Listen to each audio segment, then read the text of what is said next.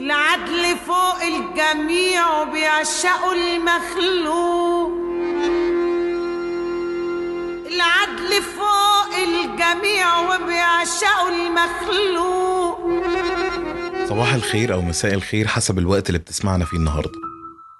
موضوع حلقتنا النهاردة عن كيف بدأ مفهوم القتلة المتسلسلين أو السيريال كيلرز. عشان نقول على الشخص إن هو قاتل متسلسل لازم تتوافر فيه ثلاث عناصر أساسية. هي العدد والوقت والدافع. نبدأ بأول عنصر وهو العدد. بديهيا كده القاتل المتسلسل ده بيبقى قاتل أكتر من واحد. في معظم قصص القتلة المتسلسلين بيبقوا في range من 2 ل 10 طبعا في ناس قتلت أكتر من كده بس الأغلبية بيبقوا في ال range ده. وكمان في قيمة نمطية كده إن أغلبهم بيبقى قاتل تلاتة. طب نيجي لتاني عنصر ألا وهو الوقت. الوقت اتحط كمبدأ للتمييز ما بين القتلة المتسلسلين والقتلة الجماعيين. لأن القتلة الجماعيين بينفذوا عمليات قتل فيها أكتر من ضحية ولكن في وقت واحد وفي مكان واحد. إنما القاتل المتسلسل بيبقى ليه أكتر من ضحية برضه ولكن على فترات متباعدة وأماكن مختلفة. بيبقى في ما بين العمليات كده فترة هدوء أو ركود ممكن تبقى أيام أو أسابيع أو شهور أو ممكن سنين. آخر عنصر وهو الدافع. أغلب ال serial killers مش بيقتلوا لتحقيق مكاسب مادية أو سياسية أو حتى عسكرية. الدوافع عند ال serial killers كانت معقدة قوي لأنها بدون هدف واضح. وتحط فرضيات كتير قوي عن إيه ممكن يكون الدافع وبشكل تقليدي هي الدوافع الجنسية. ودي كانت طاغية أكتر على المشاكل العاطفية والاجتماعية عند القاتل.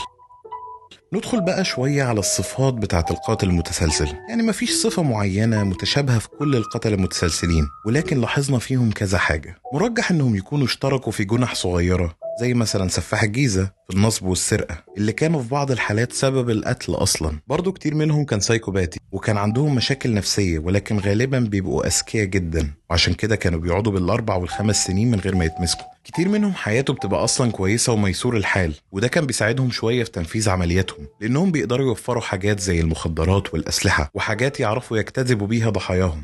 وفي شوية إحصائيات اتعملت بخصوص القتلة المتسلسلين هذكرها لكم دلوقتي. أغلب القتلة المتسلسلين بيبقوا من الذكور والنسبة كبيرة جدا. تقريبا تسعة من كل عشر جرائم قتل نفذها ذكر. وبرضه تسعة من كل عشر جرائم اتنفذت في الأحياء اللي هم ساكنين فيها. وحتى الواحد المتبقي ده اللي بيبقى أنثى غالبا بيبقى ليها شريك ذكر. غالبا سن القتلة المتسلسلين بيتراوح ما بين أواخر العشرينات وأوائل الثلاثينات وفي ختام الحلقة النهاردة جبنا لكم قائمة بأسامي أشهر القتلة المتسلسلين على مر التاريخ في مصر وفي العالم. بالنسبة للقتلة الأجانب أشهرهم هو السفاح تيد بوندي وجون وين جيسي وجيفري دامر. إنما في مصر عندنا ريا وسكينة محمد منصور الشهير بخط الصعيد واللي قتل أكتر من 20 ضحية. عندنا رمضان محمد عبد الرحيم الشهير بالتوربيني واللي قتل أكتر من 32 ضحية. وآخرهم طبعا القذافي فراج الشهير بسفاح الجيزة واللي معمول عليه مسلسل مكسر الدنيا الفترة دي.